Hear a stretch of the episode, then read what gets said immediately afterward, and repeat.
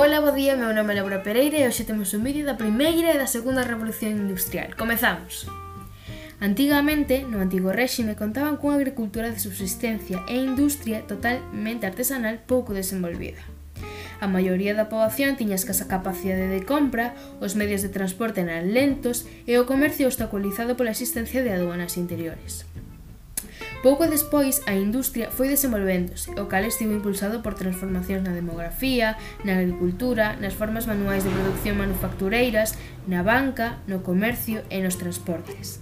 Este proceso foi en Inglaterra e do mesmo xeito concentráronse numerosas fábricas textiles e siderúrxicas.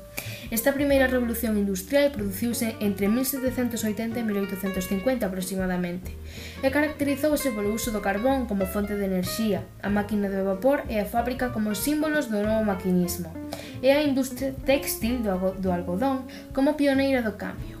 Posteriormente, produciuse a Segunda Revolución Industrial, que se iniciou cara a década de 1870. A electricidade, o petróleo e, máis o motor de expulsión, foron os símbolos desta nova transformación do capitalismo.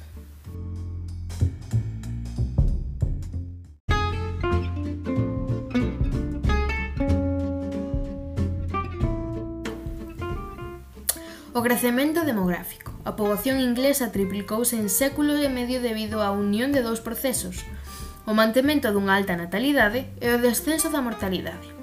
Transformacións agrarias.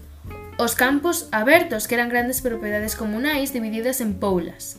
As leis de cercados transformaron as terras comunais en grandes leiras privadas e cercadas valoradas e consigo as seguintes consecuencias. Os campesiños marcharon ás cidades en busca de traballo e aumentou a produtividade da terra. Outros factores que, que favoreceron a industria foron O contexto político e institucional. A primeira potencia marítima e comercial do mundo. A liberdade co comercial supuxo un gran impulso para a industria e para os comercios británicos. As industrias pioneiras temos a textil algodoeira e a siderúrxica. Comezaremos pola algodoeira. O motor dos cambios artesanais elaboraban o fío a man cun fuso e cunha roca, pero, como este era moi fino e escaso, mesturábano con liño para que resistise. E a máquina de fiar, creada en 1764, permitiron aumentar favorablemente a produción de, fío, de fíos xa que cada máquina contaba con varios fusos. E tamén temos a eh, inclusión da máquina de vapor en 1769.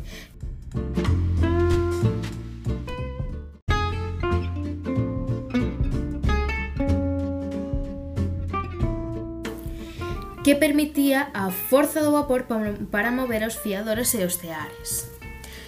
Como ben dixemos antes, tamén temos a siderurxia que o uso do carbón de coque sustituiu o vegetal e contaba con gran poder enerxético. Consigo tamén a pudelaxe que obtiñase un ferro máis puro e o laminado que facilitou o traballo do ferro. O resultado foi a concentración das fábricas preto das minas do carbón, os transportes, comercio e capitais. A construción dunha rede de canles que uniron os centros produtores de materiais primas coas zonas industriais, a renovación das, das estradas e dos camiños. George Stephenson construiu a primeira locomotora de vapor para o transporte de persoas e mercadorías, e as consecuencias deste invento foron numerosas. Beneficiou a industria metalúrxica, gran desenvolvemento para a enerxía civil, facilitou o transporte de materiais pesados, a cortou o tempo das viaxes de forma espectacular, potenciou a formación de grandes sociedades do que, de capital e fixo que desplazamentos fosen máis frecuentes. E agora ven a segunda revolución industrial. Novas fontes de enerxía e novas industrias. Temos a industria metalúrxica, a química, o petróleo e a electricidade. A industria metalúrxica, a aplicación do convertedor, que era o aceiro de maior calidade e máis baixo custo. As características do aceiro posibilitaron a fabricación de máquinas en motores máis precisos, lixeiros e pequenos e o actado de aceiros especiais ou aliaxes e de novos metais.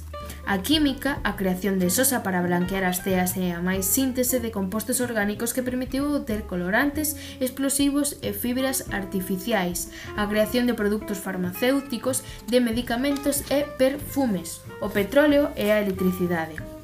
O petróleo foi cobrando progresivamente importancia, comezou a empregarse como materia prima para a obtención e de subprodutos de materiais plásticos. E a electricidade foi o invento da dínamo, lámpada de filamento, motores eléctricos e turbinas hidráulicas.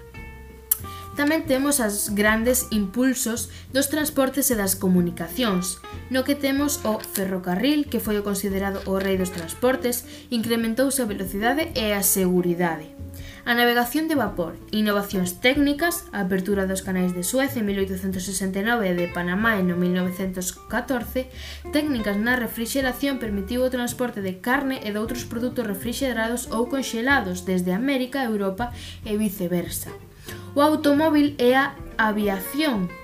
O motor de explosión movido por gasolina é, é o neumático. O primeiro automóvil, o automóvil lixeiro é popular incorporouse ao volante de dirección e o motor na parte frontal do vehículo.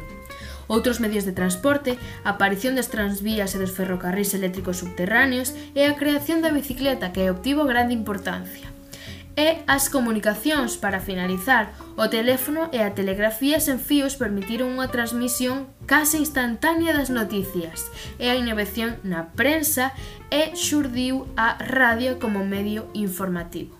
E ata aquí o vídeo de hoxe, espero que vos gustase.